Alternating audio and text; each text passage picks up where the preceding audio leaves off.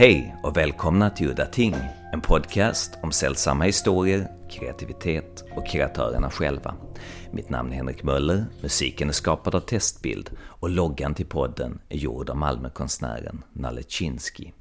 Det här avsnittet ska handla om beatnikrörelsen med fokus på William Burroughs som är den författare som intresserar mig mest. Beat-generationen myntades på 40-talet för att beskriva den nya generationen med ordet beat, alltså beat som trött och utmattad. Jag antar att ordet slacker inte var uppfunnet än, men detta var alltså 40-50-talets generation X. Finns antagligen ett namn på varje generation. Vi ska med hjälp av beatnikkännaren Tobias Pettersson, som tidigare varit med i Udda Ting-avsnittet, Eurosleaze med Robinson Jesus. Jag tänker alltså inte introducera honom som Robinson Jesus längre eftersom jag nu vet hur han känner för den stämpeln. Men innan vi släpper lös Tobbe på ämnet så vill jag bara presentera för de som inte redan vet vem legenden William Burroughs var. William Burroughs 1914 till 1997 var beatgenerationens kanske mest extrema författare. För sin tid kanske så grov och anarkistisk man bara kunde vara. Besatt av vapen, heroin, bögporr, hat, lustmord och talande rövhål i sina historier. Han sköt sin fru i huvudet och undslapp fängelse. Han tryckte all form av psykedelika i undersökande syfte. Till och med en tripp till Amazonas bara för att testa jage. Långt innan hippie-LSD-generationen boomade. Han sköt heroin och massa andra grejer i sina armar i många, många år, långt upp i pensionsåldern så att säga. Effekten av detta gjorde att han blev nästan helt emotionellt avskärmad som människa. Död inombords. Som Hampton Fancher sa i förra avsnittet om sitt möte med Burroughs, I could not find the soul in his eyes. Han var så helt emotionellt förstörd vid den här tidpunkten. Och jag minns en vän till mig som provocerades av att Burroughs svinade så länge som han gjorde, upp till hela 83 års ålder innan han dog. Tycka vad man vill om det, men hans böcker, Naked Lunch, Chucket och Wild Boys, bara för att nämna några stycken, gjorde stort intryck på mig när jag upptäckte dem i tonåren. De var skrivna för så länge sedan, men de lyckades ändå imponera med sin anarkistiska sinnessjuka kraft. Av min vän, skådespelaren Patrik Karlsson, fick jag tipset om professor Göran Dahl, som faktiskt träffade Burroughs strax innan han dog. Och jag ringde upp för att få lite förstahandsanekdoter om min ungdomsidol. Sen det hela började i Paris 1993. Jag var på en konferens och där var jag på toaletten tillsammans med en amerikan så frågade de, kan du inte komma och bo hos mig i några veckor i Lawrence, Kansas. Det finns mycket där William S. Burroughs bor. där. Wow, tänkte jag. Det låter intressant. Så jag åkte dit och sen, eh, ja, sen började jag träffa hans bekanta där och sen några år senare, 97 så träffade jag honom min real life första gången. Det var första mötet var en begravningsritual för hans gamle vän och älskare med mera, Allen Ginsberg. Sen så eh, kände jag en knack på axeln och där stod den gamle då och frågade mig lite saker. Och sen slog han sig ner. Vi hade ett långt samtal. Det var mycket litteratur och sen var det skrönor och, och så vidare där sanningshalten väl var, var tveksam. Det var mest han som pratade. Han, han, han var i god form för det var efter klockan fyra och efter klockan fyra så fick den här 83-åringen lov att dricka alkohol så då fick han sin första eh, cola med vodka i. Och sen eh, tände han en eh, sån här cigarett med illegal substans i då. Och, och bjöd på så. Så det blev riktigt god stämning här och det, det, det, var, det var riktigt fart på hans prat.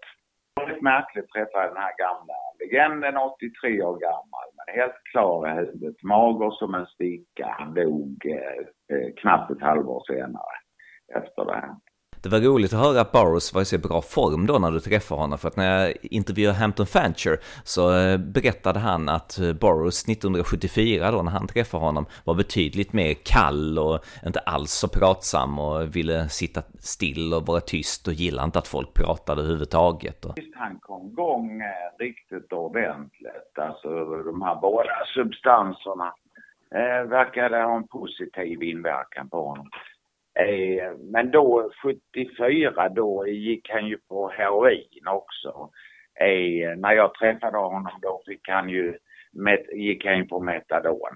så han körde fortfarande på metadon vid 83 års ålder. Ja, ja, precis. Nej, det blir ju sådana orsakar ju sådana depressioner så att folk tar livet av sig om de inte får sitt metadon. Det gör ju att de kan fungera, heroinister, morfinister kan fungera i vardagslivet relativt normalt. Men nej, han har ju hållit på med det så länge och eh, slutat med det men fått återfall i det. Och han har ju skrivit en bok om heroinberoende också som eh, på svenska heter den Tjacket.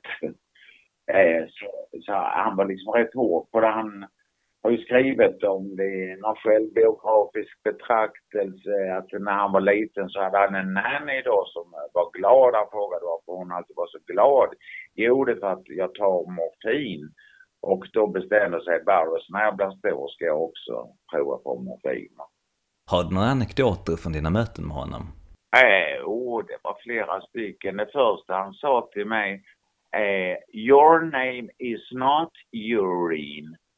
Nej, så, nej, det var som så här att eh, en av hans bästa vänner som är en rörmokare poet som anordnade den här festen. Eh, vi eh, bodde, jag och min familj, i hans hus, eh, min kompis hus då. Och där pajade toaletten så då kom den här rörmokaren, galningen rörmokaren dit och frågade vad jag hette.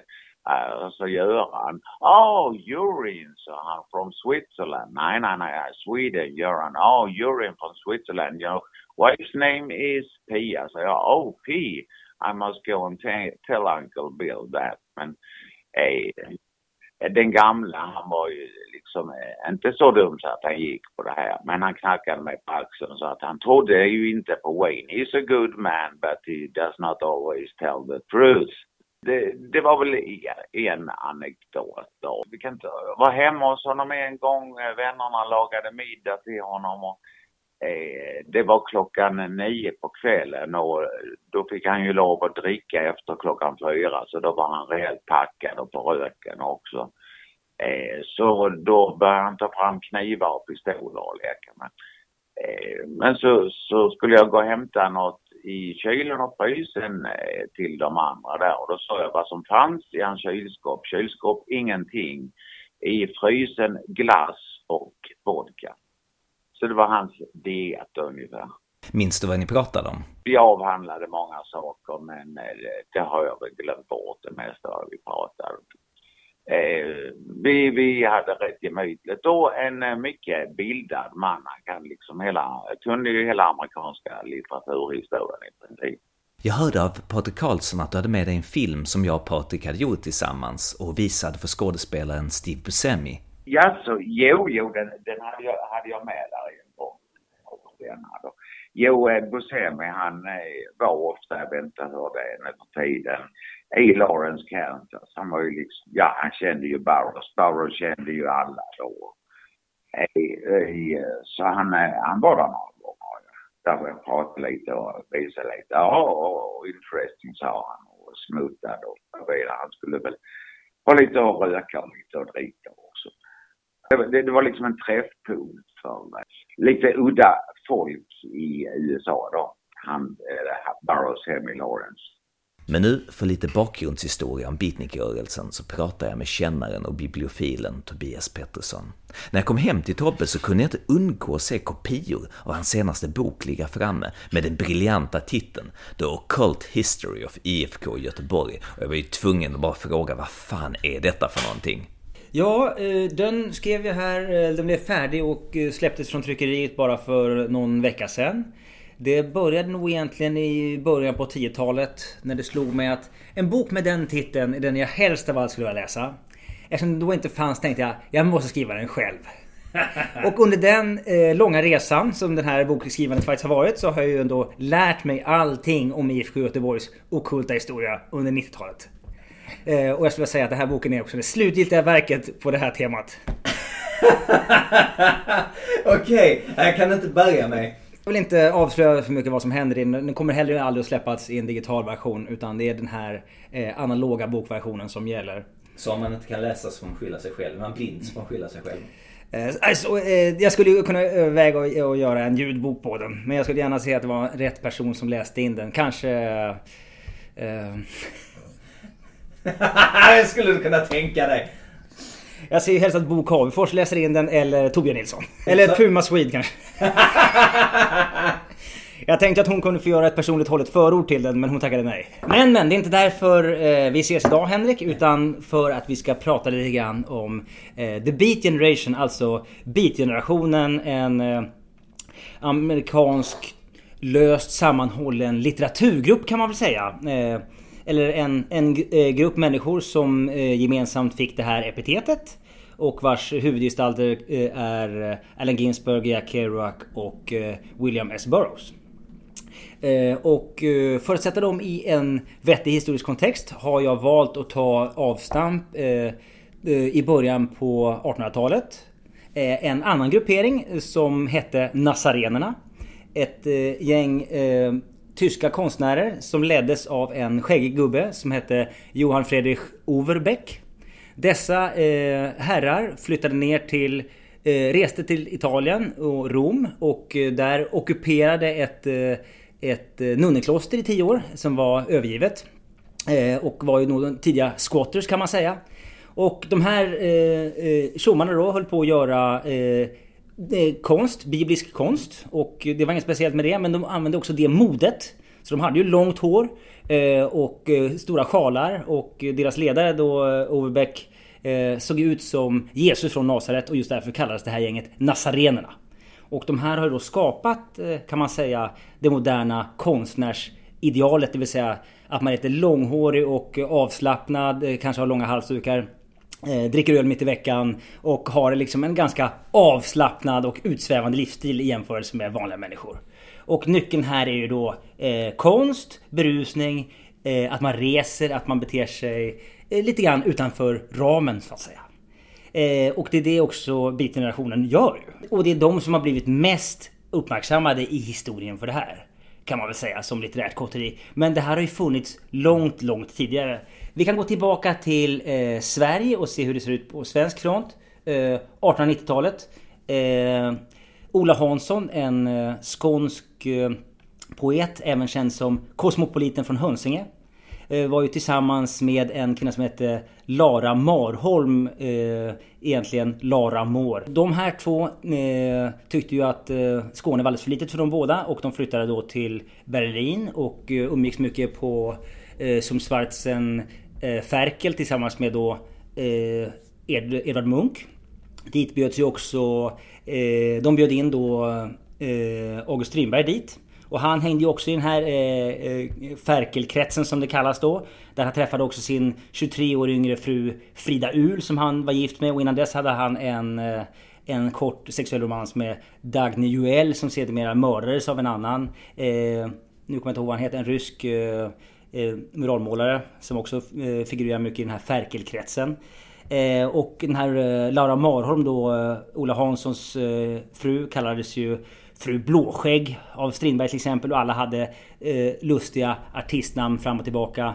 Eh, och både eh, Strindberg och eh, Ola Hansson var ju vid den här tiden illa omtyckta i Sverige på grund av eh, eh en sedlighetsskandal eh, som handlade om Ola Hanssons sensiva Amorosa och även eh, Strindbergs eh, bok Giftas. De, de här två böckerna var ju ganska framstående i fråga om eh, kvinnors rättigheter och skyldigheter och utsvävande sexuella liv. Eh, och det är det som inte togs emot så väl när de här kom i Sverige. Och båda de här människorna har också skrivit självbiografier, vilket också krävs lite grann för att man ska eh, kunna tillhöra ett litterärt kotteri, verkar det som. Eh, Ola Hansson då, Kosmopoliten från Hönsinge, har ju skrivit Resan hem och en annan bok som heter Rustgården. Och eh, Strindberg har ju skrivit eh, sex eller sju självbiografier eh, kan man säga. Ola Hansson och Lara Marholm har ju fått en, ett uppsving här igen för tio år sedan. Då skrev faktiskt Ebba Witt Brattström en bok om dessa härjande flanörer. Boken heter Dekadensens kön. Ola Hansson och Lara Marholm. Jag har tyvärr inte läst den men jag är väldigt laddad för att läsa den. I alla fall, vi fortsätter med Strindberg här som då ingår i den här Ferkelkretsen som är alltså en grupp med eh, folk som är intresserade av berusning. De kommer inte därifrån, de är alltså på resande fot. Eh, de skriver självbiografier eller och annan litteratur och de gillar att berusa sig på olika sätt. Eh, och Strindberg eh, tillhör ju, han flyttar därifrån och flyttar sen till Lund och ingår i ett annat kotteri där. Det finns ju två litterära kotterier i Lund på 1890-talet. De unga gubbarna och Tua-kotteriet. Eh, och eh, de här två kotterierna är nu som sagt nästan bortglömda eftersom de inte härjar i den utsträckning som krävs. Mm. Och det var också det att Ola Hansson lämnade de här kotterierna för att det inte härjades tillräckligt.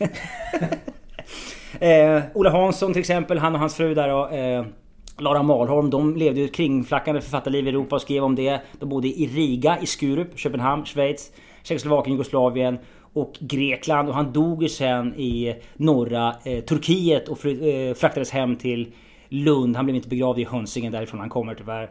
Eh, medan då Lara Marholm fortsatte och sen gifte om sig i Tbilisi i Georgien efter en sväng på dårhus.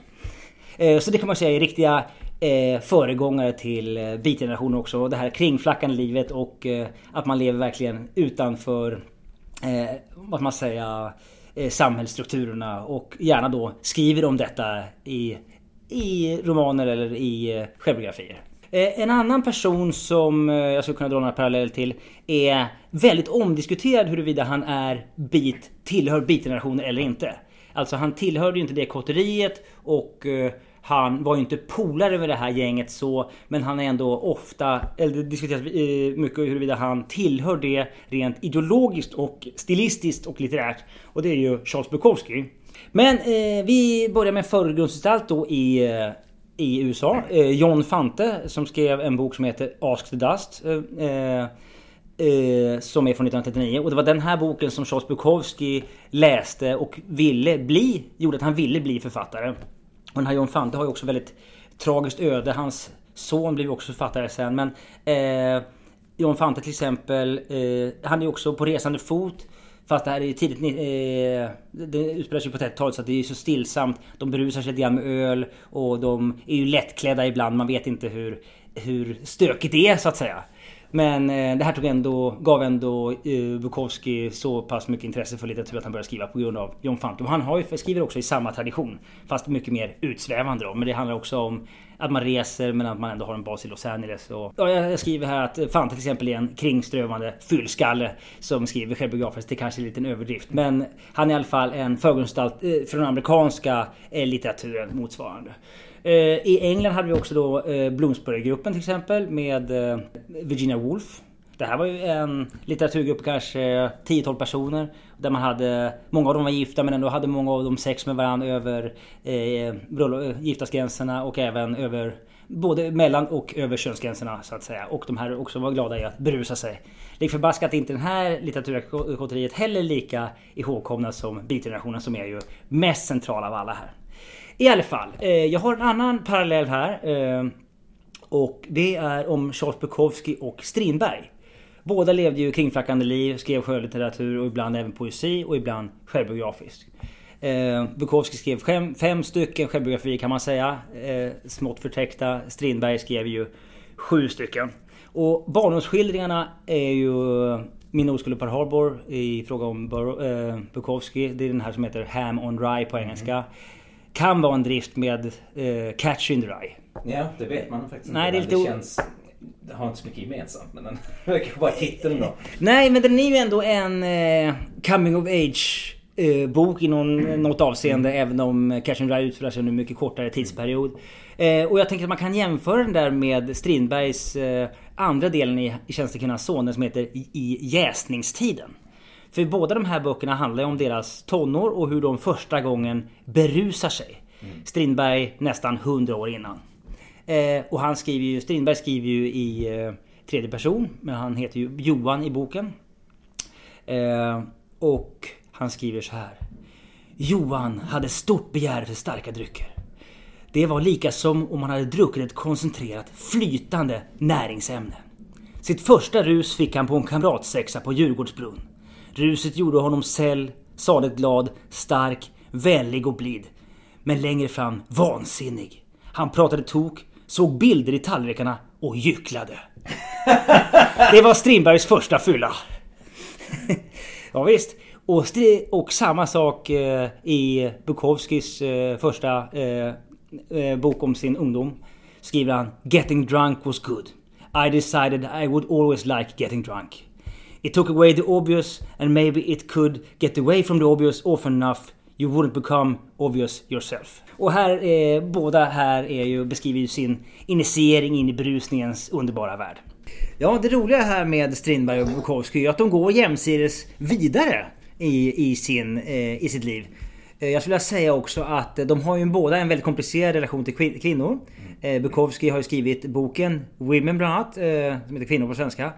Den skrevs ju om av hans eh, amerikanska förläggare och gavs ut i en, i en annan version för att förläggaren tyckte den var för konstig och dålig. Vilket ju Bukowski uppmärksammade eh, och den här boken drogs in och gavs ut med samma ISBN-nummer men det står Revised eh, på första sidan i den. Men många länder hann ju få den här andra och översätta den. Så att eh, jag kan tänka mig att den svenska versionen till exempel har jag i inte läst om. Men sen jag läste den här revised versionen så misstänker jag att den är annorlunda än originalet. Hur som haver, den handlar om Bukowskis relation till kvinnor. Strindberg har också motsvarande bok där framförallt eh, en kvinna, eh, det, handlar, det är boken En dålig försvarstal och det handlar ju om Siri von Essen, en kvinna han har ett långt förhållande med som också var hans första fru. Eh, den här boken finns också i två versioner.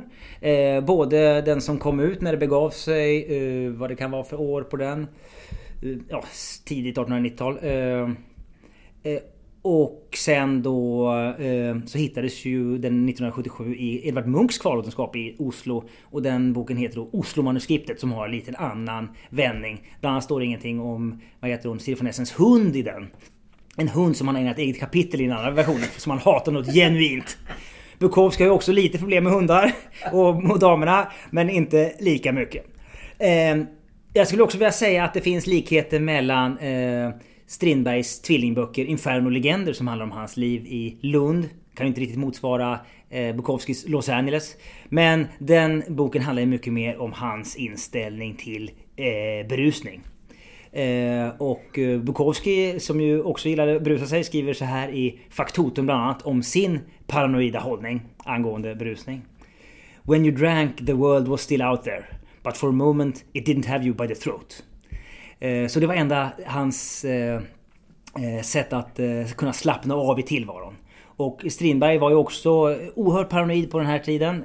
Han skriver om det i Inferno och Legender som handlade om hans tid i Paris och sen i Lund. Och han skriver så här. En god absint tröstar mig under några minuter. Därefter anfalles jag av ett följe kokotter och studenter som slår mig i ansiktet med spön. Liksom jagad av furier lämnar jag min absint i sticket och skyndar att skaffa mig en ny i kaféet François Première vid Boulevard Saint-Michel. Det var som att råka, ut, äh, råka ur askan i elden. En tropp flinar åt mig. Se på den enstöringen! Och jag flyr piskad av eumiderna till mitt hem med nidrefrängernas retsamma fanfarer i öronen. Så eh, Strindberg var också tvungen att supa ner sig för att kunna hantera eh, verkligheten som ju eh, gjorde sig gällande i allra högsta grad och tvingade hem honom från eh, krogen. Eh, så, eh, och det här handlar också om eh, Två, två olika livsöden men ändå de lever ur hand i mun, ofta på resande eh, fot. Med flyktiga bekantskaper, ibland sexuella och med en återkommande ångest som de beskriver med eh, stor, eh, väldigt levande. Och eh, här tar ju likheterna mellan deras självbiografiska texter slut kan man säga. Hollywood och postverket liknar ju inte Röda rummet eller klostret i något vis. Men vi kan stanna upp här och göra ytterligare en observation. Eh, förutom eh, Lara Marholm så har det ju bara handlat om män här. Mm. Eh, även i Bloomsburygruppen så fanns det några kvinnor. Men det viktigaste är tydligen att det är män som reser, berusar sig, har tillfälliga bekantskaper, gör konst av sin vardag. Oftast i formen av litteratur men e- även på andra sätt. Det finns ju andra eh, sådana här livsnutare som inte har tillhört kotterier men som ändå har gått till historien av andra eller liknande skäl. Det är ju, vi talar om Ernst Hemingway och Errol Flynn här. Eh, Errol Flynn har ju också skrivit, eller båda de här männen har ju skrivit självbiografiskt och gillade ju att härja och berusa sig. Eh, Errol Flynn gjorde i och för sig en och annan långfilm också. Han gjorde ju Robin Hood till exempel. Men har ju en bakgrund som slav och tobakshandlare på Borneo. Han jobbade som utrikeskorrespondent i spanska inbördeskriget. Och eh, eventuellt också spionerade han åt Franco. Eh, och, och, var liksom på fascisternas sida. Men det här är en senare avslöjande som har kommit fram i en nidbok om honom så det behöver inte vara sant. Eh, han skriver också om det här i sin första självbiografi Beam Ends som han verkar ha skrivit helt själv. Men hans stora intresse för kvinnor, sprit, narkotika och ett stökigt leverne beskriver han ju bäst i sin andra självbiografi som heter My Wicked Wicked Ways. Hela mitt syndiga liv som den hette när den kom ut i Sverige 1961 tror jag den kom. Eh, det roliga med den här boken är att han liksom Maradona beskriver sig själv i tredje person. Eh, han skriver bland annat att eh, han använder sig mycket av gamla idiom. Eh, Flynn var listig som en krabba i en ryscha. Och sådana här saker. Är svenska översättningen som är oerhört festlig. Mm. Och eh, han har ju väldigt mycket erfarenheter av eh, sprit, kvinnor och resande och, i, och dumheter i den här boken såklart. Eh, och ett citat jag hämtar från boken är där han skriver I probably have a lot more experience with narcotics and women than most doctors. Men eh, poängen med den här beat-generationen då som vi återkommer till nu när vi har tagit om ännu mer fler män här. Är att eh, de har en... Det är män och de har också en stämpel. Eh, eh, ett namn som eh, både det kan ha kommit utifrån eller kommit inifrån. Men den, liksom, gruppen har också en självmytologiserande funktion. Vi har ett exempel bara här från Malmö med Malmöligan med bland annat eh, Christian Lundberg, Lukas Moodysson och Clemens Altgård. Som eh, jag har läst till mig att de, jag bor inte här i stan den här ligan etablerade så att säga. Men de har försökt att... Eh, när de avslutade till exempel på en avskedsfest så var det någon som inte ville läsa och någon som försökte bli intrasslad i en cykel och bara kvaddade allting eh, för fullt. Och sen, samma sak när de började eh, försökte göra en stor ett nummer av att de är ett gäng så att säga, den här Malmöligan utan att många av dem egentligen presterade särskilt mycket. Eh, och så var det väl egentligen också med, eh, med alla grupper som har skapat sitt eget namn. Skagenmålarna till exempel fick sitt namn för sin verksamhet och för att de tillsammans hängde på samma plats och höll på med samma typ av måleri. Eh, på en plats som också inbjöd till måleri så att säga. Det, det namnet har kommit till i efterhand och inte skapat av gruppen. Samma sak med Bloomsburygruppen. Malmöligan och eh, The Beat Generation är tvärtom. Eh, man tvistar om varifrån namnet eh, Beat Generation kommer ifrån. Ändra är det ju Herbert Hankey som har hittat på det. Den här street hustlern som skrev också men han publicerades först på 90-talet. Hans självbiografi Guilty of Everything. Jag vet inte om, om den finns på svenska, jag har själv inte läst den. Eh, han eller om det är Jack Kerouac som hittade på det här eh, begreppet innan han var publicerad också. Redan på sent 40-tal. Eh, Kerouac eh, började däremot umgås med några andra eh, wannabe-skribenter. Eh, Ginsberg, eh, sedermera också Burroughs eh, och Hankey då. Eh, och några andra. Eh, först vid eh, universitetet Columbia och sen eh, på olika platser runt om i USA där de reste runt. De viktigaste böckerna i eh, uh, Beat-generationen är ju uh, Burroughs uh, The Naked Lunch och uh, Howl av Allen Ginsberg. Och båda de blev ju också åtalade för osedlighet då på mitten på 1950-talet. Ja, 65 år efter sedlighetsdebatten i, i Sverige. Men det är också en, en väldigt bra sak för en, ett litterärt kotteri att eh, bli åtalade för saker och ting. Det hade också gjort Malmöligan långt mycket bättre om de hade kunnat göra något ännu snuskigare. I synnerhet på 90-talet, när tidigt 90-tal kan jag tänka mig krävdes betydligt mer än vad det gjorde på 40-talet, eh, 40-50-talet för att eh, göra någonting eh, anstötligt. Och Sveriges starka tryckfrihetsförordning och allting gör att det blir väldigt svårt att göra något ordentligt anstötligt mm. egentligen. Jo, eh, de här två böckerna eh, åtalades ju för osedlighet. Men eh, alla de här tre killarna hade börjat skriva redan innan dess. Först som opublicerade lyckades de ha några böcker i, skriv, i skrivbordslådorna. Den här On the Road av Jack Kerouac till exempel släpptes väl 1957. Men skrevs i sin första utgåva så tidigt som 1951, tror jag. Och den versionen släpptes ju i 50-årsjubileum, alltså 07, i sin originalversion som heter The Scroll. Eh, här har vi också en intressant iakttagelse. Den skrevs ju på en 37 meter långt eh, papper som han hade tejpat ihop. Bara för att han skulle kunna få ett flow i sin skrivmaskin. Stream of consciousness. Eh. Och bara kunna skriva utan att behöva pausa och byta papper. Mm. Och använde väldigt mycket medicament under den här tiden. Det gjorde ju faktiskt Ron Hubbard också när han skrev sina... Eh, han försökte försörja sig på att skriva skräplitteratur, kiosklitteratur mm. på den tiden. Och då hade han en sån rulle han skrev på liksom, som bara rann ut på golvet där. Liksom, han skrev så här frenesi. För att liksom tjäna så mycket pengar som möjligt. Han blir förbannad på att han tjänar så mycket pengar på att skriva skräcklitteratur så att han eh, börjar, börjar skapa scientologin istället. Vilket var ju ett jättesmart move av honom. För honom ja. var det ju bra. Men här, sen så sögs han ju upp i det och blev sinnessjuk mm. själv. Så jag vet inte vad som hade varit bäst för honom att fortsätta med det eller det andra. Vem fan vet. Eh, Elon Hubbards son, jag kommer inte ihåg vad han heter, har ju skrivit en biografi över sin pappa. Och mm. menar på att Elon Hubbard en av hans närmaste vänner var ju Errol Flynn. Mm. Och att båda dessa herrar brukade ligga med tonåringar tillsammans. Oh, och, och uh, fixa tonåringar eller småglin till varandra. Eh, och att, uh, att en son skriver en biografi om en på det viset tänker jag att det finns någon typ av sanningshalt i det kanske.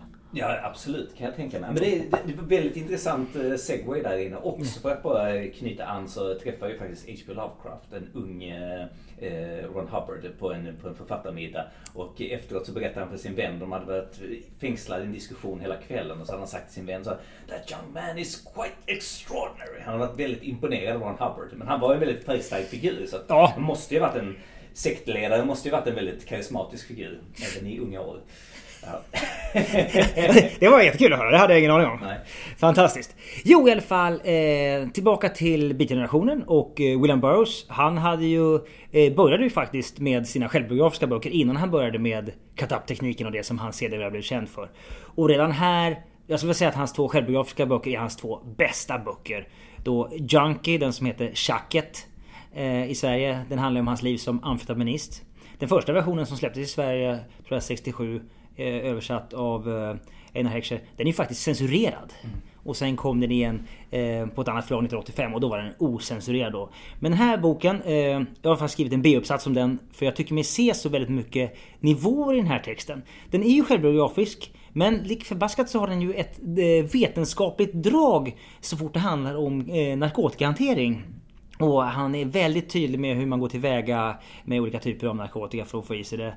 Och eh, det, här, det här draget fungerar väldigt bra och gör den väldigt trovärdig. Eh, och istället för att göra saker och ting främmande så gör han det liksom mer vetenskapligt analytiskt, sterilt nästan på ett det sätt fungerar väldigt, väldigt bra i den typen av litteratur. Han skrev ju också en annan bok den här tiden som heter Queer som handlar om hans tid som bög i, eh, i eh, Mexiko. Den släpptes ju inte förrän 1985. Den heter i svensk, på svensk översättning Svängd. Båda två är här är ju väldigt, väldigt mycket läsvärda böcker. Eh, och det var faktiskt de här två böckerna som eh, jag som eh, tonåring blev väldigt intresserad av pulver och homosex. Och då gick jag för att låna den här boken, Tjacket, på Stadsbiblioteket. Och den fanns fyra eller fem exemplar. Alla var utlånade.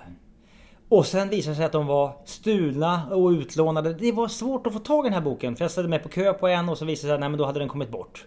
Och, eller hade blivit stulen eller någonting. Så det var ju eh, flera månader innan jag fick tag i boken och då hade man ju hunnit bygga upp några enorma förväntningar på det här. Dels för att ja, internet fanns ju inte i den utsträckning jag hade i alla fall. Så man hade liksom inte... Man hade inte tillgång till någon information annat än om eh, kompisar som kunde berätta någonting om den här mannen. Och det verkade ju så himla bra allting. Och då läste jag då Schacket och Svängd först. Alltså de två självbiografiska böckerna som handlar om hans liv i tidigt 50-tal. Och de är ju jätte, jättebra och starka och de är ju som... Eh, det är ju som Bukowski fast det är ju bögsex och knark. Mm. Det var väl ännu mer spännande än lite heterosex och öl. Mm. Eh, tyckte man ju. Att det här var ju ännu mer far out alltså. Eh, och då vill man ju läsa allt. Och sen blir man ju då väldigt eh, besviken på till exempel ja, de här cut up böckerna då. Mm. Som ju delvis inte är självbiografiska mm. och delvis är alldeles för konstiga i sin berättarstruktur. Mm. Och jag kommer ihåg också den här trilogin som han skrev sen om det är sent 70 tidigt 80-tal. Med eh, Röda nattens städ, mm. Döda vägar möts och Länderna i väster. Eh, de handlar ju om vilda västern och om piratskepp och lite mm. rymdresor och sånt där. Och de också var nej, det här vill jag inte ska handla om. Jag vill att du ska vara eh, berusare i USA på 50 60-talet. Det här är ju helt fel. Så att... Eh, eh, trots att jag eh, gillar Burroughs så tycker jag att det mesta i hans eh, litterära produktion är ju inte bra. Alltså, eller det är inte det jag ville ha. Som jag sa innan så eh, fanns det ju tre stycken eh, centrala verk i eh, Beat-generationen och det är ju Howl Eh, av Ginsburg och det är ju en, en dikt, eh, diktsamling eller dikt kan man säga. Eh, helt olik eh, Naked Lunch och On the Road. On the Road är ju en självbiografisk eh, berättelse om eh, Jack Kerouac och Neil Cassidys resa fram och tillbaka eh, runt den amerikanska kontinenten. Och, eh, och en vanlig roman helt enkelt, eller en nyckelroman då med eh, där alla har fått byta namn och där även Eh, de andra två förekommer. William Burroughs heter ju Old Bull Lee till exempel och eh, Ginsberg heter ju Carlo Marx. Eh, för han hade ju ett roligt skägg och såg ut som en blandning av Karl Marx och jultomten. Naked Lunch då är ju en experimentroman kan man säga. Den använder sig av cut-up-teknik. Någonting som utvecklades av schweiziska dadaister på 20-talet. Att man tar en, en, vi säger tre noveller eller en stor textmassa och klipper ut meningar och sen lägger dem i en annan följd. För att göra det mer psykedeliskt eller dadaistiskt som den ursprungliga versionen var då så att säga. Jag hörde av Burroughs att det var Brian Geisen som, upptäck, äh, som uppfann det men det är kanske bara Burroughs som trodde att han uppfunnit det. Eh, jag tror också att de försöker tillskriva honom det. Men eh, eller känner de inte till det som hände i, eh, hos dadaisterna så att säga. De kan ju uppfinna hjulet på nytt. Mm. Även om jag inte är så förtjust i den här. Nu gjorde ju Burroughs... Är det fyra böcker egentligen? Först Naked Lunch, sen eh, Soft Machine, Nova Express, Ticket That Exploded. Alla har det här. Eh, mer eller mindre. Och det är ju rätt störigt egentligen. Mm. Alltså ett litterärt grepp, ja. Men Eh, det blir för mycket. Mm. När jag läste Naked Lunch första gången som 17-åring kanske Så visste jag inte heller om det. Jag tyckte att det bara var oerhört psykedelisk mm. och snurrig text som jag inte blev glad i. När man sen får reda på att det är katapteknik Då får man en annan förförståelse och en annan eh, förväntning av texten. Och då mm. blir den ju bättre av att man vet det så att säga. Men var eh, Naked Lunch en cut-up eller var det bara att sidorna arrangerades i en ordning som passade? Eh, jag, jag uppfattar det som att det är en cut-up men den har ju också redigerats om. Den, nu ska vi se om den första versionen kom ju på Groove Press i USA men sen, samtidigt släpptes den ju av Olympia Press på engelska i Frankrike. Och det är ju en annan version av texten. Mm. Så då kan man ju tänka sig att någon av redaktörerna kanske har försökt att flytta om ytterligare eller tillrättalägga. Det vet jag faktiskt inte om. Det är riktigt eh, säkerställt faktiskt. Eh, jag, hörde att det var Crack Ginsburg som satte ihop skiten. Alltså han hade ju, alltså enligt legenden så är det att han hade papper liggande överallt i sitt rum och så samlade de ihop det och satte det i en ordning som funkar. Läste igen och satte i en ordning som fungerade. Eh, men då lärde, alltså, då lärde ju, alltså, antagligen var det så att de tog sida efter sida då ju. Att de, de klippte inte ut det med sax utan, okay. typ, utan att de bara satte sidorna i en ordning som funkade. Ja just det. Och de sidorna är ju inte samma som sidorna i, i de här utgivna böckerna ju. Och det är därför det kan snurra lite mer eller mindre. Antagligen. Mm. Okej, okay, okej. Okay. Nej, för du har rätt i. För att det är ganska stora textsjok ändå som man tycker ändå hör ihop så att säga. Och mm. ibland märker man också att den återkommer till en berättelse som man har mm. varit i innan. Mm. Men kanske inte just på rätt ställe i den. Men i alla fall att man får tillbaka karaktärer och sånt där som har varit borta i 30 sidor. Kommer tillbaka mm. plötsligt helt utan anledning.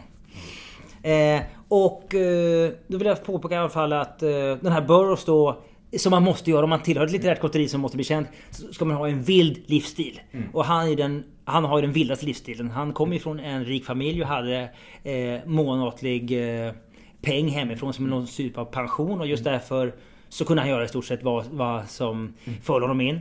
Eh, han sköt ju också ihjäl sin fru eh, Johan Wolmer som också var eh, kompis eh, med alla de här killarna. Och eh, eh, i en William Tell routine som han kallade det. Även om alla hade gjort det förut. Och de använde... Hon ställde grogglas på huvudet. Han sköt och han råkade skjuta henne i ansiktet. Och hon dog på fläcken. Mm. Jo, han skjuter ju henne i huvudet när de är i Mexiko. Just det. För han väntar ju ett eventuellt ett fängelsestraff i USA. Just därför flyttar hon till Mexiko. Och i Mexiko så sitter han ju bara häktad några veckor och sen lyckas han ju fly landet ju. Mm. Men då drar han inte hem till USA utan då tänker han sig att han åker runt i Latinamerika och letar efter eh, ayahuasca. Och det beskrivs i hans bok eh, Yahweh-breven som är en brevväxling mellan honom och eh, Ginsberg. Och Ginsberg är då stationerad i New York och pluggar medan eh, Burroughs glider runt i Latinamerika och försöker få tag i ayahuasca och en shaman som kan hjälpa honom. Du får gärna berätta lite för det är så att alla lyssnarna kanske inte vet vad ayahuasca är för någonting. Eh, ayahuasca är alltså en rot eh, som eh, eh är DMT-lik i sitt rus och som shamaner i, på vissa alltså håll... Alltså psykedelisk drog. Eh, precis. Med eh, enligt, på den tiden vad de trodde också, telepatiska eh, man skulle kunna få telepatiska förmågor när man använder sig av, av ayahuasca. Och det trodde ju även Burroughs och Ginsberg. Eh, och eh, är där nere och letar och får eh, droga ner sig några gånger med varierande resultat. Men han tycker inte han har några telepatiska erfarenheter. Och så är han ju också som vanligt eh, vapenfetischistisk och kåt på smågrabbar och ja... Och boken rivstartar ju, det är ju en brevväxling. Och första raden är ju Käre Allen Ginsberg då. Jag stannar till för att få mina hemorrojder borttagna. Det, det är så den börjar. Och sen eh, så åker han runt på olika bussresor och försöker få tag i schamaner. Och lyckas med det vid några tillfällen. Mm. Berätta något intressant om någon tripp han tog som var eh, minnesvärd, som du kan minnas. Eh, nej, jag kom faktiskt inte... Nu var det så länge sedan jag läste den där. Den gavs ut av eh, Bakhåll i Sverige 1993. Då var jag ju 20 år gammal när jag läste den. Och då tyckte jag ändå att den var ganska trist. I jämförelse med eh, Schacket och eh, Svängd som jag tyckte var mycket vildare böcker. Då tyckte jag ju också att eh, Burroughs var ju med den här livshistorien som han hade den, den vildaste av dessa medan då Ginsberg framstod som en riktigt tråkig typ som mest hänger i, mm i New York och eh, är någon typ av eh, eh, mer... Hippie. Ja, mer hippie ja. Vi kommer också till eh, kopplingen hippies och yeah. beatgenerationen. Eh, Eh, för huvudrollen, eller i Kerouacs eh, bok eh, On the Road så är ju inte han själv huvudpersonen. Han är egentligen en, en kompis till huvudpersonen. Han kallar sig för Sal Paradise men är då egentligen Jack Kerouac. Och eh, huvudrollen spelas då av Dean Moriarty som är hans bästa kompis. Neil Cassidy som han även hade en romans med vid några tillfällen. Och den här Neil Cassidy fortsätter ju sen från Ja, han tillhörde ju också Beat-generationen. Skrev en egen bok också som också är en coming of age roman som handlar om hans uppväxt som heter The First Third, första tredjedelen. Gav sig också ut på bakhåll i Sverige i början på 90-talet. Och är en liten pamflett och ganska slätstruken faktiskt. Eh, för den handlar bara om hans liv fram till han är 10 kanske. Eh, rätt ointressant. Men eh, som alla andra så vill han ju också publicera sig och gärna självbiografiskt då.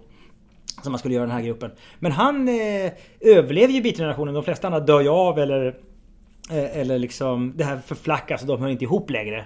Men han går ju då vidare till Mary Pranksters, en annan eh, gruppering som var den vildaste grupperingen i USA på den tiden. Eh, först eh, när LSD är lagligt så är det ju... De leds ju av Ken Kesey, författaren bakom Gökboet och eh, eh den som heter eh, One Flew Over the Cocos Nest. Och även en annan bok som heter... Som är väldigt illa omtyckt för övrigt. Som handlar om en egensinnig fackföreningsman som heter Sometimes a Great Notion.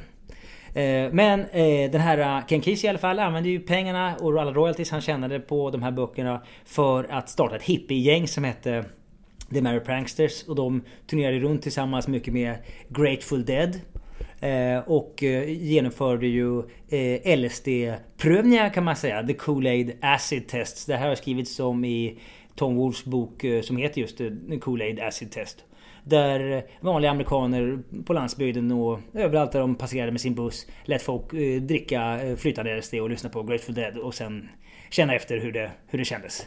Eh, för att återknyta till den kopplingen för övrigt så eh, den här eh, Herbert Hunky som eventuellt eh, är upphovsmannen till begreppet Beat Generation på slutet i hans liv så bodde han i en liten lägenhet på Manhattan och försörjdes av kompisar. Mestadels av Grateful Dead som finansierade hans liv sista tio åren i hans liv.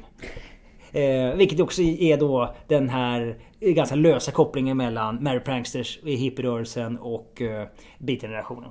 Neil Cassidy var ju gift eh, eh, först med en tjej som han träffade när, han var, när hon var 16 år gammal men sen spolade han henne för eh, en Carolyn eh, Cassidy och som ju sedermera skrev en självbiografi om det här som heter Off the Road.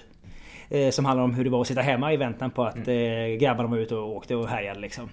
Mm. och hon var ju väldigt besviken och i en intervju 2008 som jag hittade så sa hon As far as I'm concerned the, concerned, the beat generation was something made up by the media and Allen Ginsberg.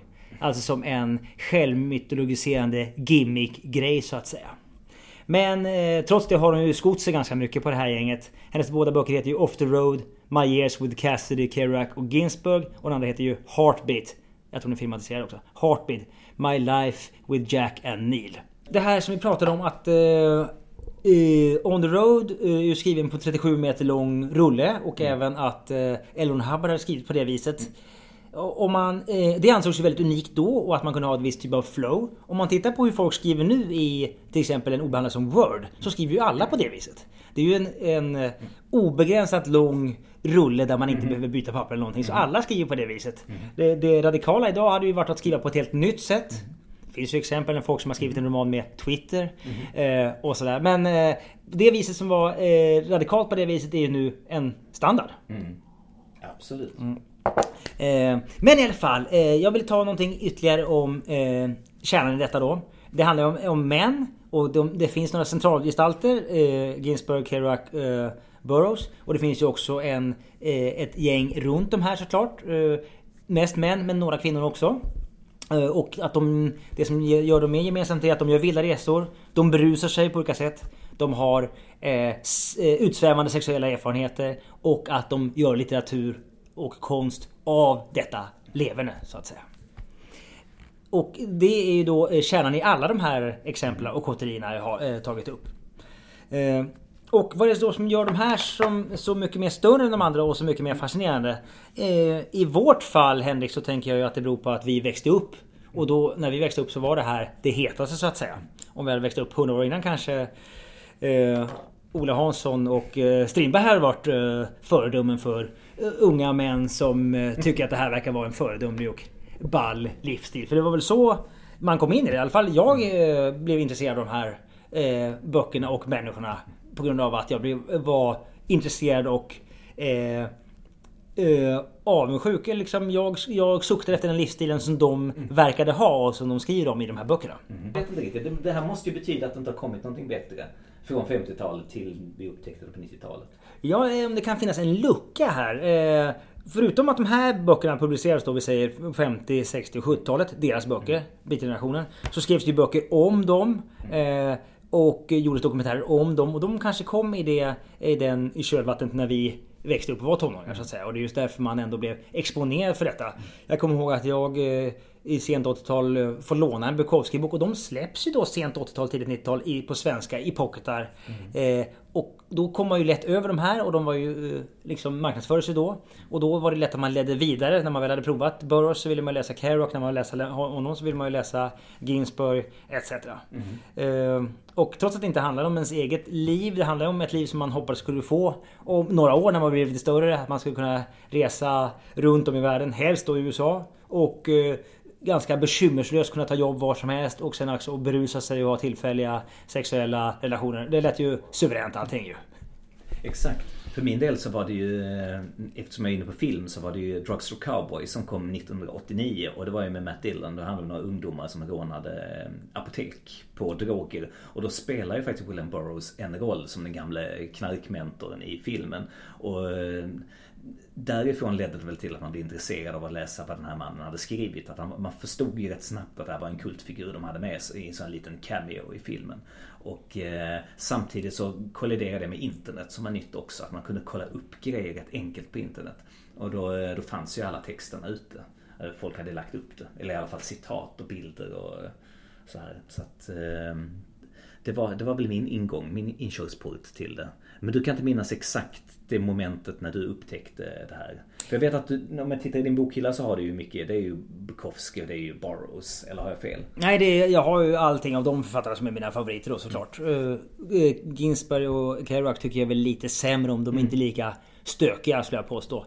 Mm. Uh, men jag stötte på det uh, i, efter nian faktiskt. Eh, Snuskgubbes anteckningar. Eh, Hot Water Music kanske heter på engelska. Eh, Nej, Snuskgubbes anteckningar är Notes of Dirty Old Man. Det är sant. Water Music är badkarsmusik. Sant, sant. Jag lånade den i en svensk pocket i alla fall av en kompis och jag sommarjobbade som att klippa gräs. Och jag kommer ihåg att jag fick ut bensin och tänkte jag sätter mig och läser den här boken. Och så några kapitel som handlade om att han gör lite poesiuppläsning och dricker öl. Tyckte jag bara, det här var ju för tråkigt. Men sen fick jag ingen bensin den där äh, gräsklippan på hela dagen och då var jag tvungen att läsa halva boken. Och, e- och efter halva boken var jag ju helt fast alltså. Och då var jag tvungen att läsa alla andra Bukowski och sen därifrån så vet jag inte vem, om det var en äldre kompis eller om de var på bibblan som hjälpte mig att gå vidare. Och då var det naturligt att ta amerikaner verksamma under samma period. Och just den... Jag måste säga det innan vi lämnar Bukowski där. Det är roligt att du nämner den boken. För det är också min första bok. Och jag tyckte den var jättebra. Men sen läste jag om den långt senare. Och det är ju hans minst bra bok. För det här Notes of Dirty Old Man var bland det första han skrev. Han skrev i något fanzine eller någonting sånt Sant, där. Ja. Så att det är ju innan han började sin litterära bana med Postverket och de här. Så att eh, de tycker jag ändå håller lite mer, alltså man känner att det är en yngre man som har skrivit en eller tidigare i karriären helt enkelt. Mm. Han hade liksom inte riktigt förfinat sin stil i dem. Det var inte riktigt lika roligt, det var inte riktigt lika fyndigt. Men jag vet inte, så att det var roligt att man läste det först för sen blev det bara bättre och bättre. Ja det är sant. Eh, jag, håller, jag tycker ju att de här romanerna är, alltså de självbiografiska, mm. Postverket, Faktotum, eh, Min oskuld på Harbour, Hollywood och Women är de bästa. Mm. Och eh, som du säger där så är tycker den där är tidig och just därför lite svagare. Men sen var jag inne på ett eh, Bukowski-forum här nyligen faktiskt. Och då eh, är det många som framhärdar och menar på att han blir sämre och sämre. Mm. Att han på 70-talet och sent 60-talet, det är då han är som bäst och att han då i början på 80-talet eh, blir eh, märkbart sämre. Mm. Och det tänkte jag, kan det verkligen vara sant? Så att jag började läsa om den här Hot Water Music. Och tycker ändå att det är skyhög kvalitet mm, ja, ja. alltså. Så att eh, jag är nog på samma linje som dig att han blir nog bättre och bättre. Tror du att de menar då den här som han skrev Pulp på de här scenerna? Ja, det är det, det sista. Ja. Det är kanske det de menar. Ja. Att det är lite sämre. Det, jag tyckte det, när den kom, den måste kommit 96. Då läste jag den. Och, det, och då tyckte jag att den var ja, okay. eh, väldigt svag. Mm. Sen läste jag om den bara för tre år sedan. Och den är ju jätterolig alltså. Mm, ja. Det är bara att den har ju några science fiction inslag. Mm. Och det är det man är ovan med Bukowski. Och just därför man inte gillar det riktigt. För att den har ju en självbiografisk prägel. Fast den är ju, den heter ju Pulp ju. Och är ju en drift kan man säga med eh, kioskdeckare och med eh, Humphrey Bogarts deckarfilmer kan man säga. Nästan gamla noir grejer. Ja precis. Väldigt noir-kopplad ju. Och han är ju, det handlar ju mest om en en detektiv som håller på att lösa brott men egentligen är han bara ute efter att supa. Mm. Så eh, de flesta kapitel handlar om bara att han kommer in på en bar. Och det finns ju en jättegod grej han säger på en av de här ställena. Eh, Bukowski, för det är ju han själv fast han heter någonting annat. Mm. Eh, men lätt förklädd. Han kommer in på en bar. En man ropar What are you looking for? Bukowski svarar Trouble. Can you bring it? och det är så typiskt Bukowski själv då egentligen inte den här karaktären som är den här eh, privatdetektiven som ju inte letar efter trubbel egentligen. Men jag tänkte rätt mycket på det i och med att han söp så mycket medan han skrev. Uh, och jag har träffat några få människor i mitt liv som måste supa för att skriva. Jag förstår inte alls den grejen. Alltså jag blir blockerad. Om jag, skulle vara när, om jag är berusad så kan jag inte skriva någonting. Alltså det klipper av den biten av kreativiteten. Men jag har en liten aning om att det handlar om att det är någon som är extremt hämmad. Som inte vågar släppa loss. Att man, han, den här personen måste supa liksom för att kunna liksom få tillgång till det. Liksom. Att, som han inte kan få förmå sig att ta fram annars. Mm. Eh, det där är jätteintressant. Eh, Bukowski skrev ju till exempel, han säger i efterhand att han skrev postverket på 30 nätter och då drack han också 30 halvliter whisky under den här tiden. Mm. En per natt då för att eh, släppa lös sin kreativitet. Det har också kommit fram nyligen i Stig Larssons självbiografi. Så kommer han ut med att han har tagit lite, lite amfetamin när han skrivit. Så han menar på att han har varit dopad när han har skrivit sina romaner. Eh, autisterna och framåt. Och sen nu eh, för 15 år sedan gjorde ju eh, Kulturmagasinet Glänta en, ett specialnummer som handlar just om att berusa sig och att eh, vara konstnärlig. Bland annat då kommer jag ihåg Gabriella Håkansson. Eh, enligt mig Sveriges bästa författare de sista 20 åren. Hon menar på att hon blir lite bättre efter ett glas vin men att det sen eh, tryter och att det, att det stänger av kreativiteten sinar när, eh, när vinet rinner så att säga. Eh, själv är jag av den uppfattningen att eh, i början på en, en berusning, en, en fylla, så eh, har man en sprudlande kreativitet och då gäller det att fånga den. För sen efter, vi säger när man börjar bli för berusad så blir det ju, man kan ju fortfarande skriva kanske, men när man ser det dagen efter så är det ju bara blaj. Eh, och det är väl den erfarenheten många har. Och jag tror det är det som är eh, kontentan i det här eh, glänta-numret också. Att de flesta hamnar där. Man känner initial kreativitet i början av berusningen men att det sen blir någonting annat. Ändå att man inte kan skriva alls, som i fallet med dig. Mm. Eller att man skriver men att det blir dåligt. Mm. Men jag skulle säga att den här IFK Göteborg-boken som jag skrev här nu den har ju skrivits ganska snabbt. Eh, eller de gånger jag har pressat som hårdast har det ju varit på semesterresor. När jag har vid lunch satt mig med en flaska vin och sen skrivit fyra timmar i sträck och eh, druckit en flaska vin. Eh, och det har funkat väldigt, väldigt bra. Och jag tycker själv att kvaliteten ändå håller en hög och jämn kvalitet även då. Ja, och som en avslutning så var jag ju tvungen att kolla på Tobbes eminenta samling av bitböcker, beatnikböcker. Allt från Burroughs till Bukowski.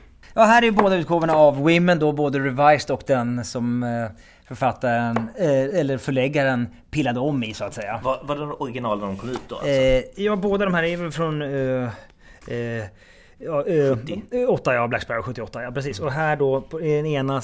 De har ju samma ISBN-nummer så att säga. Men den ena står det att den är en Revised Edition och det är ju då med Bukowskis egna... Och du ser där också, den är året på, den är 79 eh, han har ut den då och då ser det Second Printing Revised. Ja. Fast den har ju då, och det här är den rätta texten så att säga. Men den här är den som används, alltså den felaktiga texten används i flera olika översättningar, bland annat den svenska misstänker jag. Här har vi då Hot Water Music och alla de här släpptes ju av eh, det förlaget som började ge ut Bukowski var ju Black Sparrow och just därför stannade han kvar på Black Sparrow eh, för att eh, ge igen så att säga, ge tillbaka till dem när han väl började tjäna mycket pengar och sälja bra. Och då började de ge ut de här i lyxutgåvor. Det här till exempel är den... Water Music, ja. ja. den tyginbunden utgåva. Eh, som är då signerad och numrerad av Bukowski själv i i 400 exemplar. Oj. Den här kostar ju supermycket pengar såklart. Eh, och de 50 första hade också med en oljemålning av Bukowski. Men de kostar ju 40 000. Liksom. Man kan man glömma. Och, och sen eh, så gjorde de också så här eh, som promotionutgåvor. Eh, så kom ju böckerna ut i en jättebillig tryckning innan eh, boken släpptes. När den inte var riktigt klar. Dels för att man då skulle få förhandsrecensioner och folk skulle ju känna sig då eh, hedrade av att få läsa boken innan den släpptes. Och då släppte man dem också som de kallas för uncorrected proof. Det vill säga mm. att de inte riktigt korrekturlästa. Mm. Eh, bara för att då skulle ju de som fick chansen att recensera de här förväg förhoppningsvis också hitta fel och anmäla det till förlaget. Så att man fick då en, en gratis eh, korrekturläsning så att säga mot att man gav ut en sån här billig eh, utgåva av boken innan de kom. Ja, här är min Burroughs-samling. Ja. Eh, här ser vi också den första utgåvan av Schacket i Sverige som är ut, översatt ah. av eh, eh, Einar Heckscher. Den är då ah. publicerad eh, i Sverige 67 och som sagt förkortad eh, där, där de tar där han använder sprutor och sånt där. För att de vill liksom censurera lite grann av eh, narkomanin. Här är också då eh, Jaché-breven eh, av Burroughs och Allen Ginsberg. Det är Bakhålls första utgåva från 1983 och den här släpptes ju första gången 1963 egentligen. Så det tog 20 år för den att komma till Sverige. Och det är Peter Stewart, eh, den som jag skulle vilja säga är den sämre av de två översättarna. Det är Peter Stewart och eh, eh Einar Heckscher som har översatt både Bukowski och Burroughs till svenska. Mm. Och eh, Peter Stewart gör ju mycket sämre jobb än vad eh, Einar Heckscher gör. Einar Heckscher till exempel gillar ju att översätta i Bukowski-böckerna 'fuck off' med dra för fan i våld. Mm. Och sådana saker. Och han översätter ju aldrig... Han är väldigt kul liksom. Jag minns att jag hade väldigt stor behållning av att läsa hans böcker eh, på svenska. För att han var, han var ju ibland var till och med roligare än Bukowski själv faktiskt. Men kanske bara för att det blev svenska så blev... Jag vet inte. Ja, han är väldigt bra på att översätta Bukowski på ett eh, han blir en rakare på något vis. Mm. Och sen vill han ju spara mycket av de eh, anglosistiska så att säga. Han, all right översätter han ju alltid med all right. Mm. Till exempel. Och försöker ju liksom... Samtidigt som han eh, gör ut, eh, böckerna får ett eget liv. Nästan som... Eh, vad heter han? Ortmark som översatte eh, eh, Sagan om ringen-böckerna så att de blev 10% längre. eh, en översättningsexempel är ju att det står i den engelska originalet står det The Ork uses his whip. Men i den svenska översättningen står det och den grymma orchen svingar sin eh, piska med infam skicklighet. Och nu ska vi se här. Eh, Shacket och Svängd som jag sa ju. Shacket eh, kom ju ut, eller sväng då, Queer kom ju ut i USA först 1985. Och den svenska utgåvan på AVG kom ut i Sverige då 1988. Precis, jag var själv 16 år. Det var inte så konstigt att jag gick och köpte med den här. Eh, och sen då eh, Shacket eh, kom ut den första första utgåvan då eh, som vi sa 1967 censurerad. Men kom även ut i Sverige då 87, eh, 1987 osen, eh, ocensurerad. Och sen kom ju också den här trilogin då Nödnattens Döda vägar möts och Länderna i väster kommer jag ihåg att jag gick och väntade på att den skulle komma på svenska. Mm. Innan jag köpte den på... Och det är den svagaste i, i den trilogin, helt klart säga. Och det är den, eh, han har gjort två trilogier. Den, eh, den ena trilogin och den andra, och det kan man säga är den historietrilogin så att säga. Medan den första då med eh, Ticketed Exploded, Nova Express och eh, Soft Machine är ju den Cut Up-trilogin så att säga. Ja. Så, eh, som föregicks då av Naked Lunch. Ja, det var allt för den här gången. Mitt namn är Henrik Möller. Musiken är skapad av Testbild. Hej då.